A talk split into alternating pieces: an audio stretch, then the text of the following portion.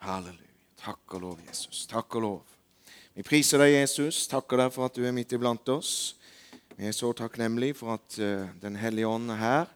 Vi priser deg for at salvelsen er her til å bryte åk i kveld. Vi priser deg for det, Jesus, og vi takker deg for ditt dyrebare, vidunderlige, forfriskende ord, Herre. Må du hjelpe meg sånn at det bare blir ditt ord, Herre, og ingenting av meg sjøl, men ditt ord, Herre, som går inn i de hjertene som trenger det, Herre, som hungrer etter det, Herre, som trenger å høre akkurat dette ditt ord i kveld. I Jesu Kristi navn. Amen. Amen. Ja, da var det fint å være her igjen i Misjonskirka. Neste, neste gang jeg skal være her, så er det jo i forbindelse med nådegaveweekenden.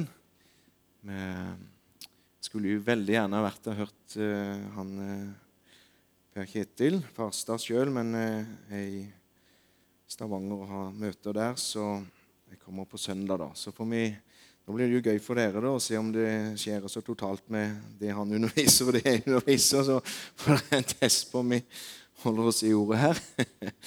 Det kan jo være dere små nyanser, men det er alltid berikende å høre Guds ord gjennom forskjellige briller for forskjellige personer.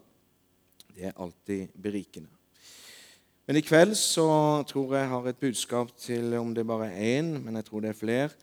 Eh, det fins et budskap til noen. Det er alltid viktig å være i den profetiske flowen og strømmen, sånn at ikke man kommer med kjørre, tørre smuler, men har noe friskt å by på. Takk, du skal få en Inges holdt jeg på å si. En profetslønn.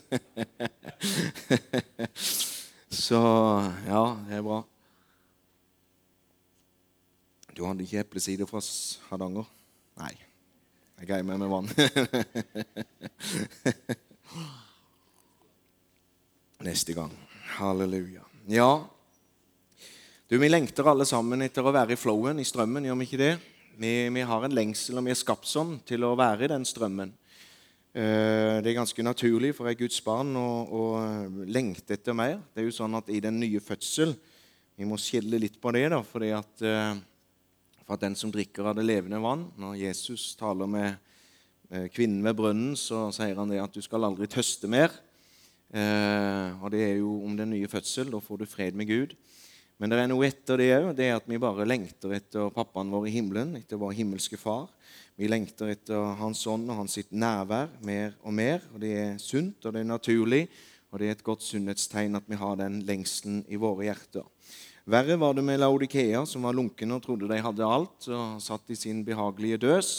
Men eh, det fins et folk som er lengtende, og som er hungrende. Og når kraften blir satt på, så blir til og med den som ligger i en døs, den blir rista litt og våkna opp og får hungeren og lengselen etter mer av Jesus.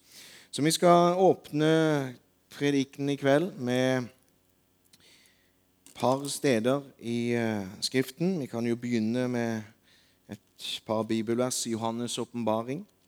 I det aller siste kapittelet, i kapittel 22, der eh, står det om livets elv. Fra vers 1 der så står det Og han viste meg en elv med livets vann, klar som krystall, som strømmet ut fra Guds og lammets trone, midt i byens gate. På begge sider av elven sto livets tre, som bærer frukt tolv ganger og gir sin frukt hver måned. Og bladene på treet tjener til helse for folkeslagene. Så skal vi lese om den samme elva i Esekiel, kapittel 47. Det er en spennende kapittel som eh, vi må lese en del ifra og legge grunnen for det som skal sies i kveld. Kapittel 47 i profeten Esekiel. Så førte han meg tilbake til husets inngang. Det er altså Esekiel som har et syn eller åpenbaring her. Det kommer en mann til han med en målestav eller målesnor. Og se, det kom vann ut under husets dørterskel mot øst, for forsiden av huset vendte mot øst, og vannet rant ned fra høyre siden av huset sør for alteret. Så lot han meg gå ut gjennom nordporten og førte meg omkring utenfor til den ytre porten, til den porten som vender mot øst, og se, det vellet fram vann fram fra den høyre siden. Mannen gikk nå mot øst med en målesnor i hånden og målte tusen alen. Så lot han meg vade gjennom vannet, og det nådde meg til anklene. Igjen han måle, målte han tusen alen og lot meg vade gjennom vannet. Da nådde vannet meg til knærne. Igjen målte han tusen alen og lot meg vade gjennom vann som nådde til hoftene. Så målte han igjen tusen alen. Da var det en elv som jeg ikke kunne vade gjennom. For vannet var så høyt at den måtte svømme der. Det var en elv som ikke lot seg vade. Og han sa til meg, 'Har du sett det, menneskesønn?' Og han førte meg tilbake igjen langs elvebredden. Da jeg vendte tilbake, se da sto det på elvebredden en stor mengde trær på begge sider. Og han sa til meg, dette vannet renner til østbygdene og videre ned til ødemarken og faller så i havet. Og når det ledes ut i havet, blir vannet der sunt. Alle levende skapninger som det vrimler av overalt hvor dobbeltbekken kommer, skal leve, og fiskene skal bli meget tallrike. For når dette vannet kommer dit, blir det sunnhet og liv overalt hvor elven kommer. Og det skal stå fiskere ved havet fra Engedi til Englaim. Det skal være et sted til å kaste fiskegarn ut. Det skal finnes fisk av forskjellige slag i stor mengde, som i det store havet. Men myrene og sumpene der skal ikke bli sunne. De skal bare være til å utvinne salt av. På begge elvebreddene skal det vokse opp alle slags frukttrær.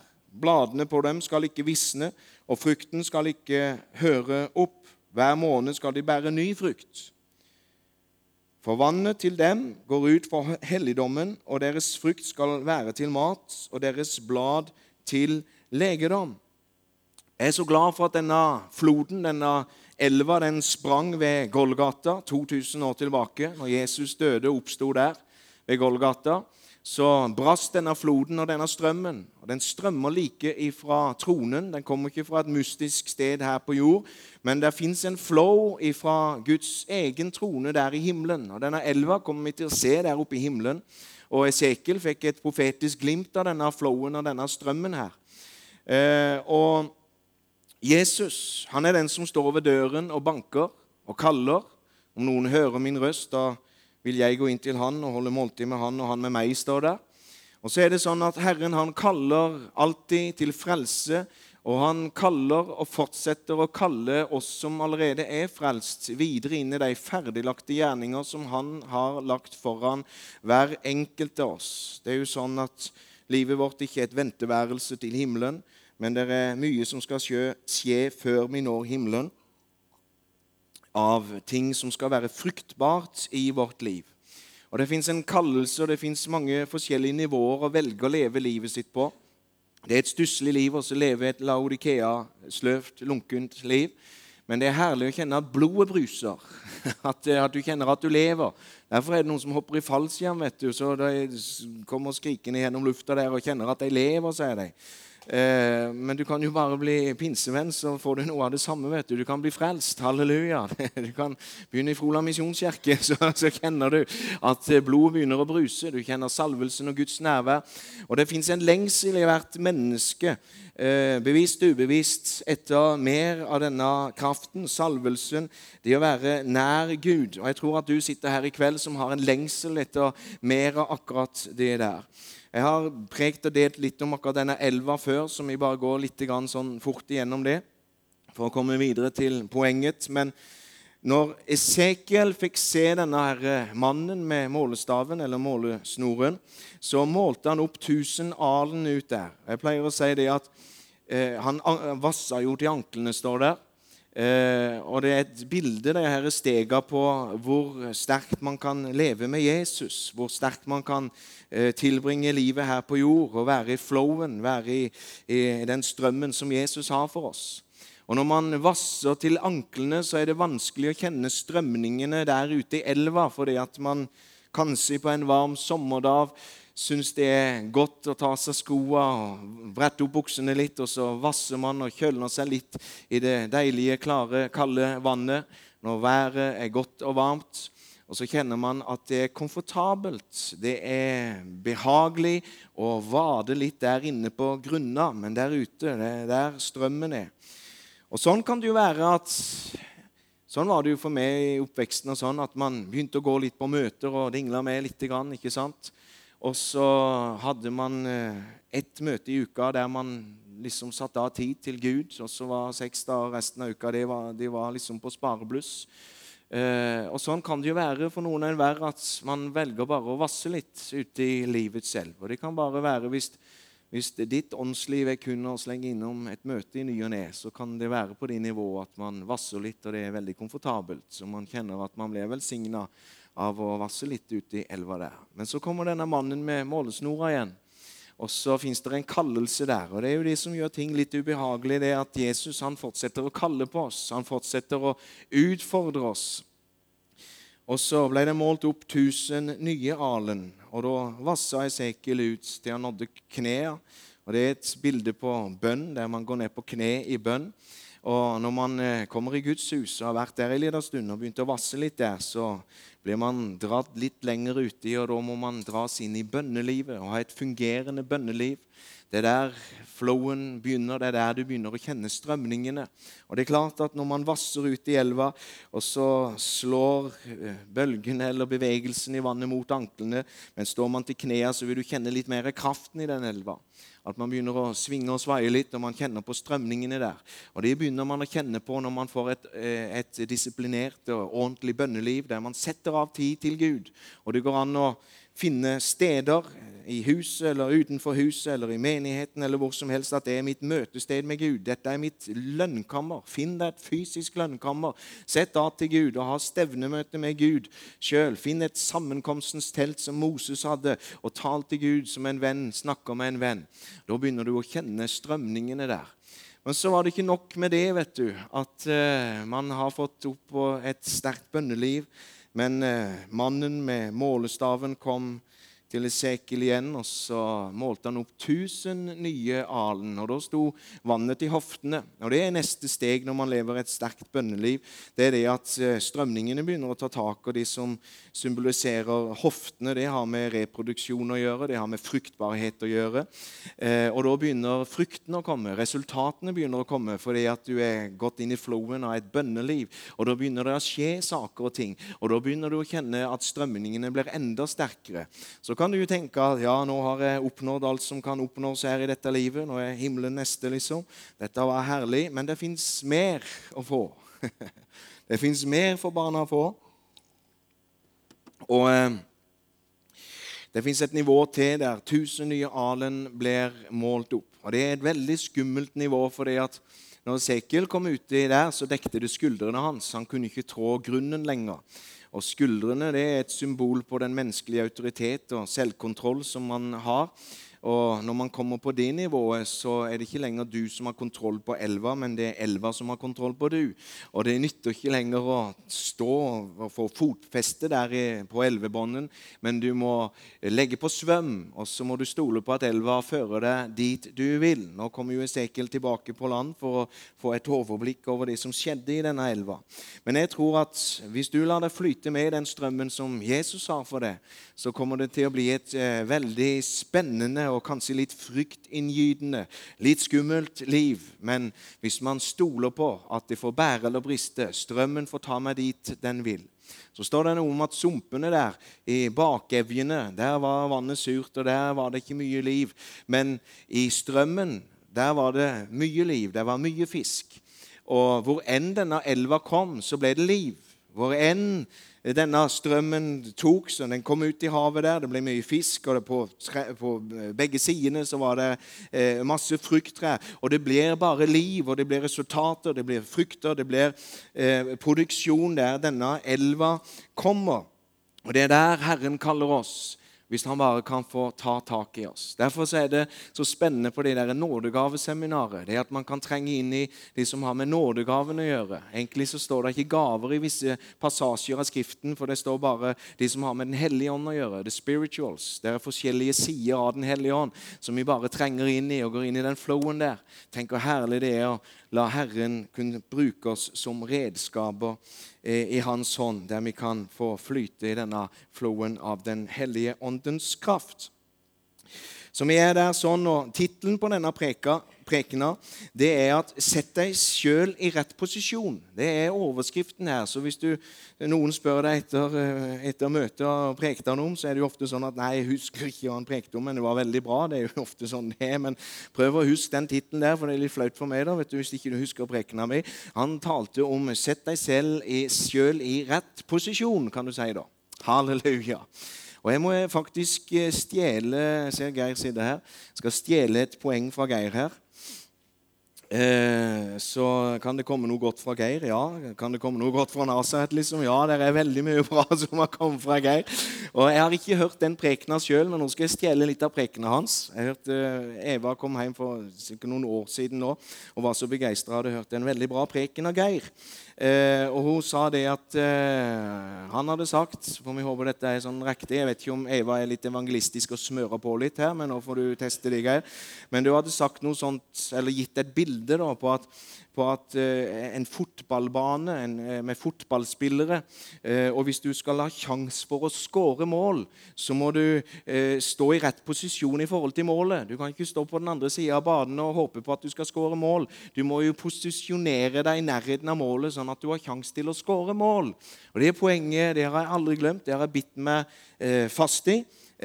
og faktisk blitt veldig, veldig bra for meg, akkurat det der. Så så det, det, du vet, det er Guds nåde, det, Geir. Nei, men det var veldig bra. Så eh, Noe av den poenget som Geir hadde den gangen, det legger vi inn i denne prekena her, sånn at du kan eh, ta med deg det der at du må sette deg sjøl i rett posisjon, sånn at du kan få eh, skåret et mål. Eh, Timoteus han var en disippel av Paulus. Paulus var en bulldoser. Altså. Han var et tog. Han bare eh, gjøv på. Han var eh, tøff som bare det. Eh, og Han trente opp andre disipler. Han hadde Titus og han hadde forskjellige messer. Han hadde et team. Lukas var med han, og mange andre var med han. Og En av hans åndelige sønner det var Timoteus. Og det er jo sånn at eh, Når du tjener en gudsmann, så kommer du gjerne inn under salvelsen til han og kan nyte godene av det. Men òg når du kommer inn under en sterk tjeneste, så vil du òg få de kampene som den tjenesten har. Og det kan jo slå litt når man stiller seg inn i åndskampen og setter seg inn i posisjon sammen med en sterk tjenestegave. Og Dette hadde Timoteus gjort. Han hadde stilt seg under tjenestegaven til Paulus, og Paulus fostra han opp og trente han opp til å bli hyrde for uh, menigheter. Og uh, så skjønner Paulus det, at uh, Timoteus begynner å bli litt mismodig. Og I 1. Timoteus kapittel 4, vers 14-15, så skriver Paulus til Timoteus Forsøm ikke den nådegaven som er i deg, som ble gitt deg ved profetiske ord, med håndspåleggelse av de eldste. Tenk på dette, lev i dette, for at din framgang kan bli åpenbar for alle. Og Jeg merka meg med de orda 'lev i dette'. Vi ønsker å leve i flowen, i strømmen, ikke i bakevjene. Men vi ønsker å leve i den flowen som Gud kaller oss ut i. Og Det står faktisk på grunnteksten i den passasjen der når det gjelder 'tenn på ny opp den nådegave som er i deg', så betyr det egentlig 'tell opp den ilden som er i deg'. Nådegaven eller gaven er som en ild som ble tent en gang i Timoteus. Og så står det på grunnteksten at hvis ikke den nådegaven, eller ilden som det egentlig betyr, får tilførsel av drivstoff eller brensel, eh, fuel, så vil den slokne. Så man må stadig legge ny ved på ilden for at denne skal holde seg brennende. Man må være i rett posisjon med sitt liv for at man kan ha en brennende ild på sitt hjertets alter. Man må være i vinden, der det blåser litt, der det er litt trekk, sånn at det, det kan bli oksygentilførsel til den flammen som brenner i ditt hjerte. Og Timoteus han falt litt ute i mismodighetsånd av og til. og Paulus var der som en god hyrde og inspirerte han og passa på han. Og Det er det vi er kalt til alle sammen, at vi må passe på hverandre i Guds rike. og Støtte hverandre, hjelpe hverandre. Og I det neste brevet som Paulus skriver til Timoteus, så skriver han i kapittel 1, vers 6-7 at derfor minner jeg deg om Timoteus altså, om at du igjen opptenner den Guds nådegave som er i deg ved min håndspåleggelse. For Gud gav oss ikke motløshetsånd, men krafts, kjærlighets og sindighetsånd. Så igjen var Paulus der og merka at nå begynner Timoteus å bli litt molefonken. Han begynner å dra seg litt ut i bakevja der, sånn at vi trenger å få han i strømmen igjen. Så inspirerer han med et guddommelig ord, og så sier han at tenn på ny opp den nådegave som, som er blitt gitt der. Og for Gud ga ikke mismodighetens ånd, men han ga krafts, kjærlighets og sindighetens ånd. I Gammeltestamentet så er det akkurat det samme temaet som står i 3. Mosebok kapittel 6 der står det ilden skal holdes brennende på alteret, den må ikke slokne. Hver morgen skal presten legge ny ved på ilden og legge brennofferet til rette på den og brenne fettstykkene av fredsofferet på den. En stadig ild skal holdes tent på alteret, den må ikke slokne. Derfor er Gud i sin nåde og miskunnhet, som elsker oss så høy, han er her nå på dette møtet, praktisk og konkret, til stede med sin Hellige Ånd, for å blåse en vind inn i ditt hjerte på de glør og de flammer som fins der, for at det skal bli en ny oksygentilførsel, sånn at flammen i ditt liv ikke skal kveles. Det fins en kallelse på ditt liv til å vade lenger ut i elva. Halleluja. Nå er jo jeg en av de predikantene som, hvis man skal velge om å preke og betjene folk eller be for folk Noen predikanter som jeg kjenner de liker å det største er å preke, og så syns jeg det er kjedelig å be for folk. Eh, motsatt. Er, hvis jeg skal velge, så vil jeg heller betjene folk og be for folk enn å preke. For det er ingenting som er så nydelig og skjønt og vidunderlig som å kjenne salvelsen, Guds kraft, forlate kroppen din og gå inn i et annet menneske, se at, at et annet menneske blir helbreda eller åndsdøpt eller blir møtt av Gud, der du ser tårene begynner å renne, der Guds fred og salvelse senker seg over et annet menneske, der bånd og lenker blir klippa og brutt. Det er ingenting som er mer vidunderlig vidunderlig enn å be en frelsesbønn med et menneske der du kan stå og legge hendene på dem face to face og bare lede deg inn i Guds rike. Det er det aller største. Så jeg kan nesten ikke vente til å komme til ettermøtet her. Ofte så tjuvstarter jeg litt og begynner ettermøtet uh, i begynnelsen før prekena. Jeg har fått beskjed av Eva at nå må jeg vente til etter prekena med ettermøtet. Jeg var nesten på glid til å begynne litt før. Tjuvstart i dag òg, men jeg holdt meg tømme. Så vi får ta det til slutt. Har du mer vann? ja. Verdens fineste maskineri går på vann, sier reklamen, og det, det er jo sant. Takk skal du ha. Ja. Så det fins en ild som vi har et ansvar for å holde brennende. Det er ikke Guds ansvar, men det er vårt ansvar at den ilden i våre hjerter holdes brennende. I Judas det var bro, broren til Jesus. Jakob og Judas var brødre til Jesus, som menneskelig sett. Men i Judas brev det er bare ett kapittel. Så skal vi bare lese et lite vers der, og det er vers 22. Der står det det at uh, vers 22 og 23 Eller vi kan ta det for vers 20. Men dere, kjære, oppbygg dere den høyhellige tro, be i Den hellige ånd. Hvordan ber man i Den hellige ånd? Da ber man i tunga. Det er å be i Den hellige ånd. Så vet du det. Så går det an å ha Den hellige ånds salvelse over seg, for det er helt naturlig når man ber på norsk. Selvfølgelig, Man er i ånden når man ber på norsk òg. Så ikke motsetning, men når Bibelen taler om be i Den hellige ånd, så taler den om å be på ditt hemmelige bønnespråk. Og Hvis du kjenner at du vil motta det bønnespråket i dag, så skal du få det. Halleluja. For Herren han gir vilje uten bebreidelser. Han er mer enn beredt til å døpe deg i Den hellige ånd i kveld. Halleluja. Takk og lov. Så det står at eh, be i Den hellige ånd, og hold dere slik i Guds kjærlighet mens dere venter på vår Herre Jesus Kristi miskunn til evig liv. Om, og noen skal dere tale til rette fordi de tviler. Andre skal dere frelse ved å rive dem ut av ilden. Andre igjen skal dere miskunne dere over i frykt idet dere til og med hater kjortelen som er smittet av kjødet. Det fins en posisjon, det fins en plass for deg, min venn. Kanskje du er her i kveld som ikke har tatt imot Jesus i hjertet, eller er veldig langt på avstand. Det fins en plass for deg i himmelen, der Jesus kaller på deg akkurat nå.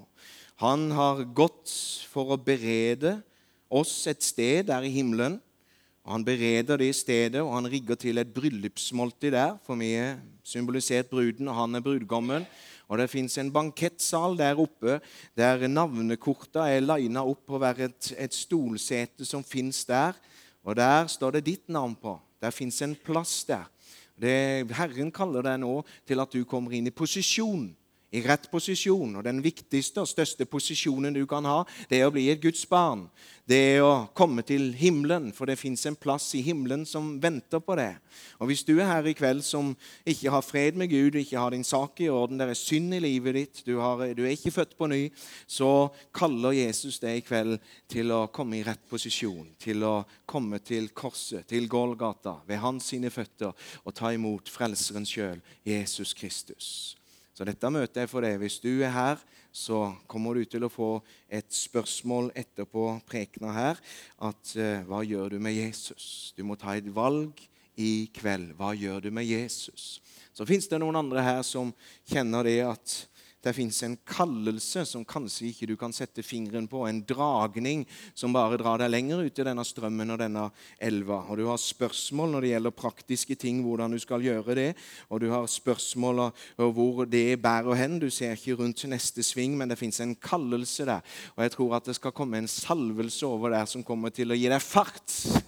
sånn at det ikke går så lang tid før du kommer til å vasse ut i elva der. vet du.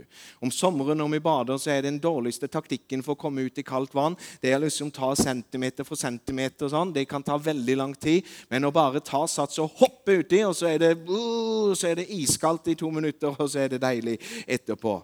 Du vet at Herren kaller deg til å ta sats nå, sånn at du hopper ut i elva. Vi har ikke tid til å vente for lenge, men nå må vi komme i posisjon, sette oss i, i, inn i de rekkene som Herren kaller oss til. Evangelisten vil si 'kom inn i rekkene'. Amen. Pastoren vil si 'kom inn i familien'. Det fins en rett posisjon for det, min venn. Og det er bare du og Gud som vet om du er på, nøyaktig på sporet nå, eller om du er litt ute av kurs. Det vet ikke jeg, men det vet Den hellige ånd. Og kanskje han taler til hjertet ditt. Halleluja. Så som evangelist så fins det en brodd i evangelistsalvelsen som må utfordre folk. Kom i rett posisjon. Kom til Jesus. Så står det at andre skal dere frelse ved å rive dem ut av ilden. Om ikke Den hellige ånds ild brenner i ditt hjerte, så er det kanskje mange andre mennesker, for å sette det veldig på spissen Det er litt dumt å si det sånn, men bare for for å få det litt opp til ettertanke så er det andre mennesker som kommer til å brenne en annen ild i helvete. Fordi at kanskje vår ild er så svak at vi klarer ikke å gjennomføre den kallelse som Gud har lagt på vår ild. Det er veldig alvorlig, og eh, det kan virke fordømmende, og sånn, men det er nødvendig å påpeke det at du lever ikke for deg sjøl. Jeg lever ikke for meg sjøl. De valg jeg tar for mitt personlige liv, vil ha konsekvenser for andres liv. Og vi har et ansvar for å av og til tale noen til rette. Her kommer denne nydelige hyrdetjenesten inn. Men av og til så må vi rive noen ut av ilden. Og Jeg husker jeg sto nå for 14 dager siden i teltmøte i Ungarn. Og På et av de første møtene der så kom det trillende inn mann. Vi døpte han mannen. Men han var ikke frelst, og han kom inn ufrelst. Og Han så så morsk ut, han så så skummel ut som du du skulle ha sett han altså. Han kom trillende inn på sånn en trihjuling, sånn rullestolsak. Eller sånn en trihjul, elektrisk eh, trihjuling. Eh, han var veldig dårlig til beins. Eh, og Han kom inn der, han så så morsk ut. Han satte seg midt foran plattforma. Han skikkelig branne dette her. Det var nesten rett før du kunne se røyken ut av neseborene på han. Liksom. Det var sånn, det var liksom bare noe med vesenet hans som bare var Han der var skummel. Og så, så prekte jeg på med evangeliet. Og Når du preker evangeliet, så kan du ikke preke evangeliet uten å preke helvete. For da er det ingen grunn til å preke evangeliet. Hvis ikke det fantes et helvete, så er det ingen, ingen grunn til å preke evangeliet. Da har vi ikke bruk for Jesus, vi har ikke bruk for, for evangeliet, vi har ikke bruk for Bibelen, vi har ikke bruk for noen som helst hvis ikke det var for et helvete som fins der. Det fins en ild under denne jorda som brenner, og som mennesker går fortapt til. Og det er vårt oppdrag, om vi liker det eller ei, å rive så mange som mulig ut av den ilden og få dem over i rett rett posisjon, få deg inn i Guds rike, få deg til himmelen. Det er vårt kallelse og vårt oppdrag. Så sto jeg der og så hadde jeg en sving om jeg hadde innom korset, nåden, eh, forsoningen, alt sammen. Og så tok jeg en skikkelig reis innom helvete der du nesten kunne kjenne varmen av flammene derfra. vet du. Og dermed så satte han ryggerelatoren vet du, på denne stolen sånn pip, pip, pip, pip, ut. vet du, Så rygga han ut. tenkte jeg, Det ble for mye for han, tenkte jeg. Der mista vi han. Men bære eller briste, jeg må forkynne evangeliet som det. er. Jeg kan ikke pynte på det. Så, så, ok, da er det flere her som trenger å høre evangeliet. Så jeg skrudde bare tempen opp enda mer og fortsatte videre over på himmelen, heldigvis. For vi, vi nevner det i posisjoner i balanse, sånn som Guds ord nevner det. Og fokuserer ikke for mye på, på, på bare ensidigheter. Men vi forkynner hele evangeliet. Men så når jeg hadde prekt en stund, så kommer han trillende inn igjen rett foran plattformen og sitter der og hører på resten av budskapet. Og I teltåpningen så kom det til noen mennesker der som sto og lytta og ble stående, så de ble frelst, de òg. På slutten av møtet så triller han fram, og så blir han frelst. Og så møter han Gud så sterkt. Og Tårene bare griner, og mannen blir jo helt forvandla. Han som var så morsk, han var så skummel å se på. Han bare sitter der og griner. Og Jeg ba for han, han skulle ha operasjon neste dag. Han, så, han, kunne gå, og sånn da, men han var litt skrøpelig til beins. Så vi ba for han og sånn, Men han ble så møtt av Gud. Og Hvert møte etterpå så kom denne mannen, og han satt der i Guds nærvær.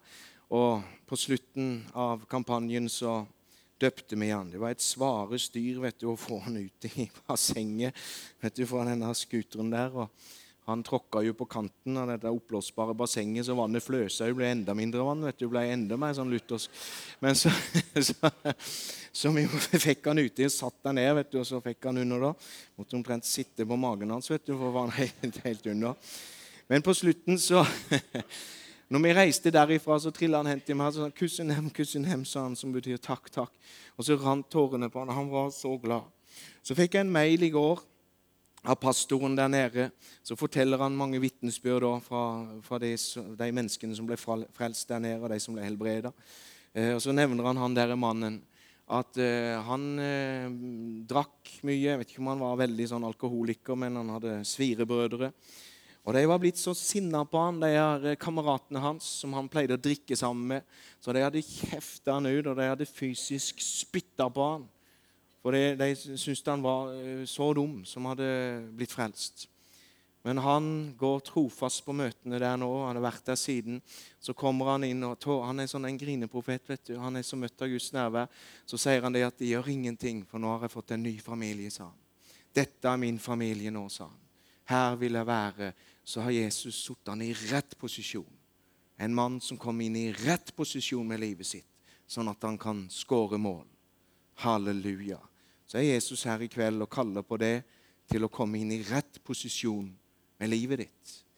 Halleluja. Kanskje noen er bare litt i utakt. Det er bare noen få justeringer som skal til, så er du et hakk videre ute i elva. Når vi var i militæret, vet du, så trente vi på å gå i takt. For dronningen av Danmark, Margrethe, kom til Oslo, og vi skulle liksom marsjere der på Karl Johan, som vi trente jo månedsvis bare for at hun skulle kjøre forbi i full fart, og så var det over. Men, men det gjorde vi. Vi trente i månedsvis, og vi skulle alle sammen skulle eh, trampe beinet i takt. vet du, Og befalet ble rasende når ikke var i takt. Takras, brølte han, og så kjefta han oss ut. Vi måtte komme i takt. Alle mann skulle gå som én mann. Takk, takk, takk. Og så er Herren her i kveld og kaller det til å gå i takt med det profetiske flowen, med Guds familie, med Guds armé som skrider fram. For vi skal til himmelen. Halleluja. Vi skal ikke bare til himmelen alene, vi skal ha mange, mange med oss. Halleluja. Så Herren er og kaller du som ikke skulle være frelst, og Herren kaller det som er frelst, inn på nye områder, inn på nye oppdrag. Halleluja. Eh, du vet det at eh, det fins noen eksempler i uh, Bibelen på mennesker som var, kom inn i rett posisjon. Det er så viktig at du er i rett posisjon. Det er ikke likegyldig hvordan du skjøtter ditt liv, hvordan du bruker tida di. Om du skulle holdt på å si, sitte på kafé sju dager i uka eller sløse livet ditt på et eller annet måte. ikke sant? Men det er viktig at du begynner å bli åndelig effektiv. Kanskje ikke så mye for din egen del som for andres skyld. For vi er alle sammen del av en familie. Noen er mødre, noen er fedre, noen er barn. noen er... Vi har et ansvar for hverandre. Passe på oss. Sånn som Paulus. Han sensa det i ånden sin, eller om han så signalene, at nå var Timoteus litt nerfa, nå var han blitt mismodig. Så skriver han et brev til Timoteus og tenn på ny opp den nådegaven som er deg gitt. Tenn på ny opp den ilden. Så ga han et boost inn i livet til Timoteus. Kom igjen nå. Ga han styrke og kraft gjennom et gudsord rakt inn i hjertet. Og så er den samme Gud her inne i kveld. Han som brukte Paulus til å oppmuntre Timoteus for 2000 år siden. Han er her inne i kveld, og så er han her med et Guds ord. Taler inn i hjertet ditt. Og jeg elsker, jeg elsker måten som Jesus kan tale på. Av og til i begynnelsen var, ja, tjenesten så var jeg så fortvila. Hvordan skal jeg i alle dager klare med å overtale mennesker til å bli frelst? Og hvordan skal jeg bli så dyktig og god til å tale? Og Etter hvert så har jeg blitt mindre og mindre dyktig til å tale. Jeg bryr meg ikke i grunnen om å tale så mye sånn teknisk og alt det der lenger. Men jeg er blitt så opptatt av å vite det at Den hellige ånden, det er Han som taler. Om han kunne bare tale, så får det være med min måte å være måte. Måtte jeg bare ikke stå i veien for han. Men måtte Den hellige ånden tale her i kveld. Og det gjør han ved at han kommer inn i hjertet ditt med et Guds ord som blåser liv i den flammen som er der inne. Fins det noen glør, så skal det bli til en flamme. Har du en flamme, så skal den flammen bli større, for det fins mere. Det fins mere. Og jeg kjenner det at Den hellige ånd han, han vekker vekker opp, han vekker opp noe i hjertet ditt, sånn at du bare kjenner at ja, blodet begynner å bruse. Du kjenner at den som har uh, fått uh, mye, vil ha mer. Og du kjenner at ja, Jesus, jeg vil gå hele veien. Jeg vil rakt ut i strømmen i elva. Det får bære eller briste. Det får koste hva det koste vil. Om det skulle være en pris å betale av praktiske ting, så får det bære eller briste. Men jeg må være i strømmen. Jeg må være der det skjer. Jesus kaller noen i kveld til å komme i rett posisjon. Noen er kalt i kveld til å komme inn i rett posisjon. Elias han sørga for å være i rett posisjon. Bare nevner noen eksempler fra Bibelen nå. Han kom fra Gilgal sammen med mesteren sin, Elias. Og Så sier Elias at nå farer herifra, nå får vi ta farvel. Så sant du lever, så sant Herren lever, jeg forlater deg ikke, sier disippelen. Så hang han på han fra Gilgal til Betel, og fra samme skjedde der. Betel til Jeriko, fra Jeriko til Jordan.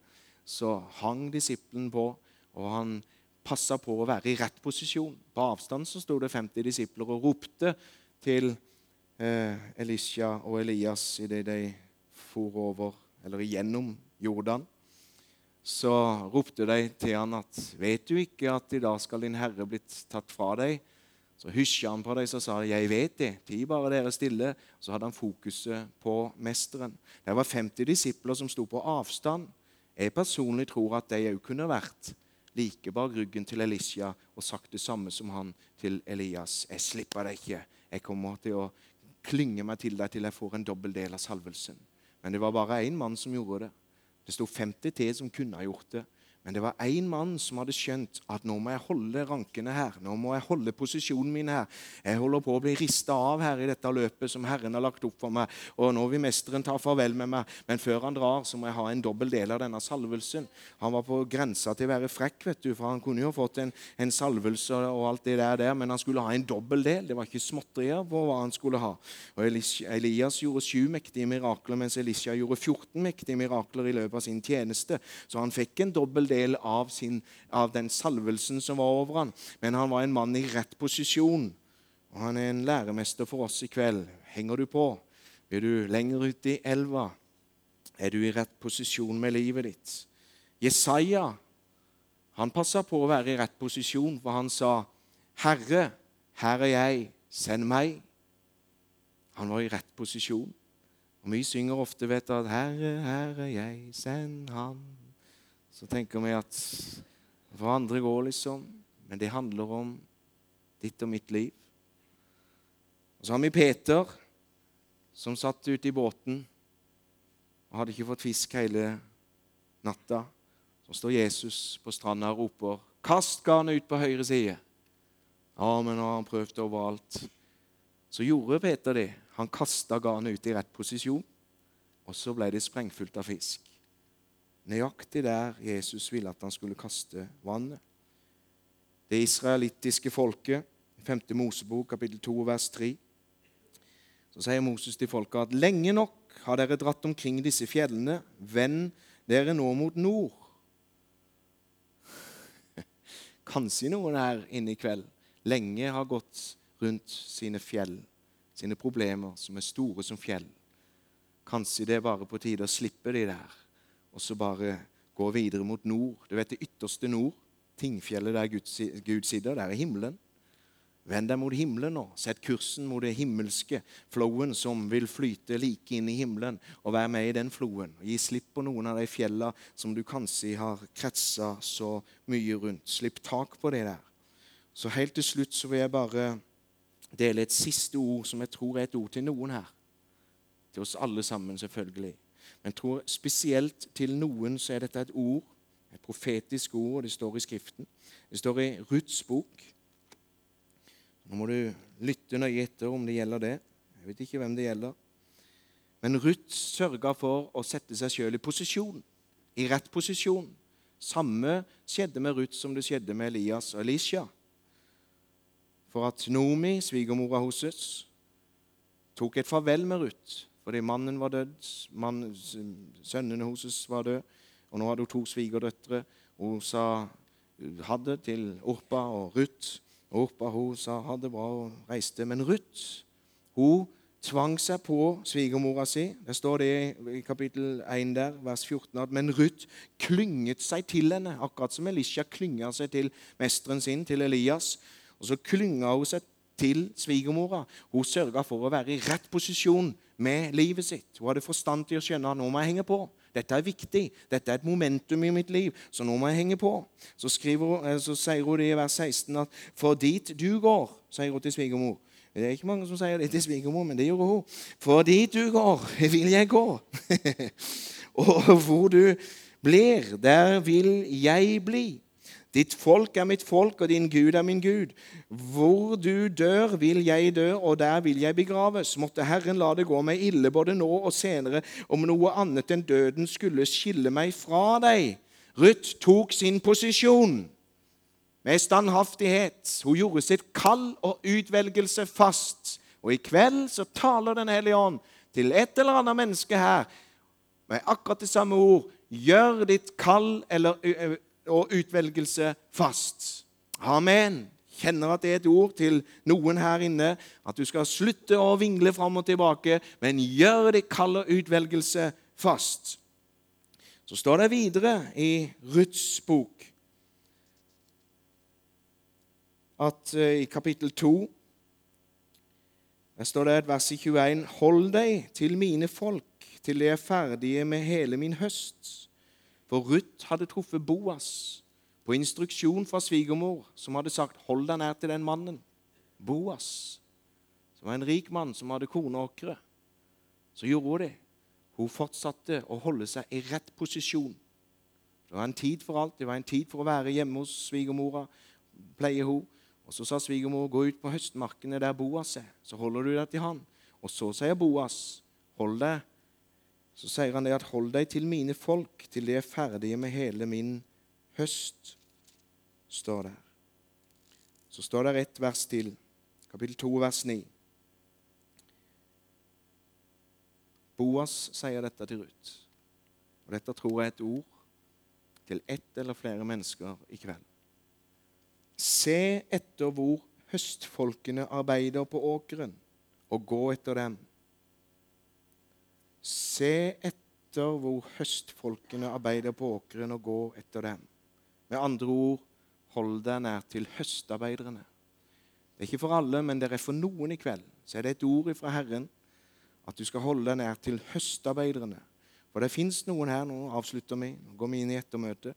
Men det fins noen her som har spørsmål, de har en lengsel. Det er ingen er ingen tvil om at, at, du har en kallelse på livet ditt. Det er ingen tvil, og du vet så inderlig godt at Herren har noe for deg. Og det har bare gått så mange runder i denne ørkenen, og du kjenner det at nå har jeg lenge nok gått rundt de fjellene, men du har spørsmål som ligger rundt praktiske anliggenhetene. Og der kommer et hilsen fra Herren at du skal holde deg nær til høstfolka som et, et, et steg i den prosess som Herren har for å føre deg inn i ditt Kanans land. Halleluja. Nå fins det rent praktisk sett flere tjenester i denne menigheten som er på høstmarkene. Jeg sjøl reiser ut på høstmarkene. Geir her har vært ute på korstog. Vi har, vi har eh, Øystein, vi har Jan, vi har, eh, vi har eh, Svein Egil, som reiser ut på høstmarkene der. Og skulle det ikke være sånn at du rent praktisk skulle holde deg nær til noen høstfolk, sånn at du kommer ut i flowen. Hvis det er der kallelsen din ligger, at du kjenner dragningen ut i høsten, så har du en praktisk mulighet til å komme på team og være med ute i der. Det er en mulighet som er velsigna med i denne menigheten, fordi at det fins flere tjenestegaver her som er ute på høstmarkene. Så du har en mulighet til det.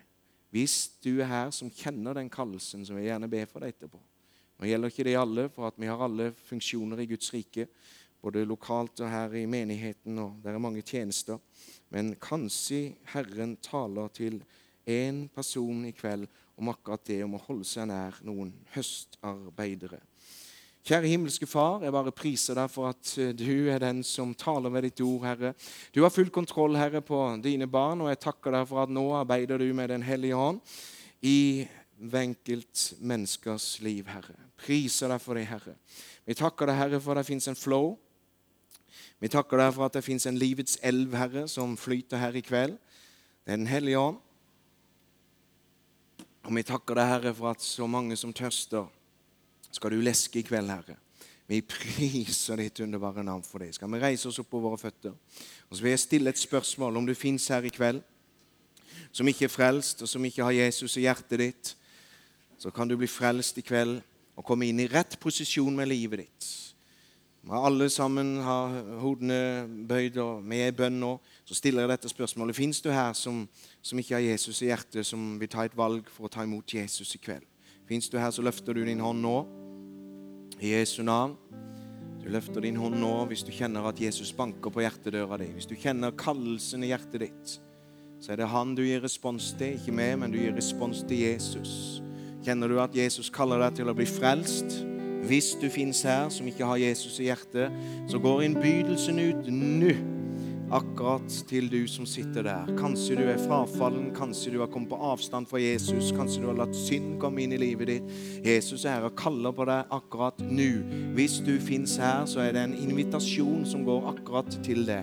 Er du her, så kan du rekke opp din hånd akkurat nå for å ta en bestemmelse og ta imot Jesus. Ved å ikke rekke opp hånden så tar du òg et valg mot at du velger å ikke ta imot Jesus i denne stund. Men jeg nøder deg til å ta imot Jesus akkurat nå. Og du kan gjøre det ved å rekke opp din hånd, sånn at jeg kan se det. Jeg må alltid gi den innbydelsen. Jeg har visse signaler i min ånd på, på om dere er frelste eller ufrelste, men jeg stoler ikke alltid på det. sånn at For sikkerhets skyld så vil jeg alltid gi denne innbydelsen. Fins du her som ikke har Jesus i hjertet, så kan du ta imot Jesus nå. Kom i rett posisjon. Fins du her, så løfter du din hånd opp i været, sånn at jeg kan se det. Halleluja. Nå er det sånn at den innbydelsen står ved lag, og du kan når som helst komme fram hvis du skulle være her til å bli frelst. Ta imot Jesus. Vi, vi, vi river deg gjerne ut av ilden, sånn at du skal få Den hellige åndens ild. Halleluja. Halleluja. Halleluja. Hvis du er her, så er du hjertelig velkommen, min venn, inn i familien, inn i Guds rike. Jesus har betalt en høy pris, en høy pris for sjelen din. Du er høyt elska, du er høyt akta. Og Jesus kaller kanskje på du her i kveld som ikke har Jesus i hjertet. Invitasjonen er gått ut. Invitasjonen går videre ut til du som vil gi respons på budskap og kjenner at det var noe som klikka til i mitt hjerte, og jeg trenger mer av den vinden til å blåse på de glørne. Jeg trenger å komme inn i, i posisjon. Det er et valg du tar som du må ta ansvar for i ditt daglige liv herfra uh, og framover. Så det kan ikke vi hjelpe deg med på mandag, tirsdag, onsdag osv. Men vi kan hjelpe deg ved at du får håndspåleggelse, der du får en overførsel av Den hellige åndens fylde kraft i ditt liv, som vil puffe deg ut i det og gi deg en ny kraft og styrke eh, til å hjelpe deg i den besluttsomheten du tar nå for å ta kursen videre ut i livet selv. Halleluja Tro på håndspåleggelse av hele mitt hjerte. Det er en bibelsk doktrine som vi, vi, kan bruke så mye vi orker og vil, og det fungerer. Halleluja, halleluja. Og så er det du som er syk. Der er, der er, der er får inn på radaren nå at, at det er noen som har en avhengighetssyn. Og det fins en salvelse her nå til å bryte den avhengighetssynden. Du har slitt med dette her så lenge, og, og du har nesten mista håpet på det, og du har så fordømmelse så det, du, du, langt nede pga. den fordømmelsen fordi du har en avhengighetssynd i livet ditt. Men nå er salvelsen her til å bryte det åket, og det er en hilsen fra Herren spesielt til det nå som har denne synda, sånn at du kan bli fri den lenken her og nå. For Jesus elsker deg. Han er ikke her for å fordømme deg. Ditt hjerte fordømmer deg, men Jesus er her for å frelse deg, for å løse deg fra den lenken, sånn at du kan være fri og glad. Halleluja. Noen kjente at det var med. Og, og vi du vet at vi, vi har ingen, ikke til hensikt å avsløre noen ting offentlig, så du skal bare komme sammen med de som vi har forbønn for syke. Hvisker det inn i mitt øre, så skal du bli fri. Halleluja. Så skal du bli fri. Du som er syk, å, jeg har så tro for at noen skal bli helbreda i kveld. Halleluja. Har så tro på at noen skal bli helbreda i kveld. Så du er hjertelig velkommen. Og vi andre som blir stående, vær med, vær aktive. Vær aktiv i bønn, vær aktiv i lovsangen. Vær, ikke vær paksiv, men hyv deg ut i elva. I bønn, i tilbedelse. Elsk Jesus. Tilbe ham. Og vær aktive i flowen, i strømmen nå. Så tar vi en stund med lov, herlig lovsang, tilbedelse. Og så er du hjertelig velkommen, du som ønsker håndspåleggelser. forbund.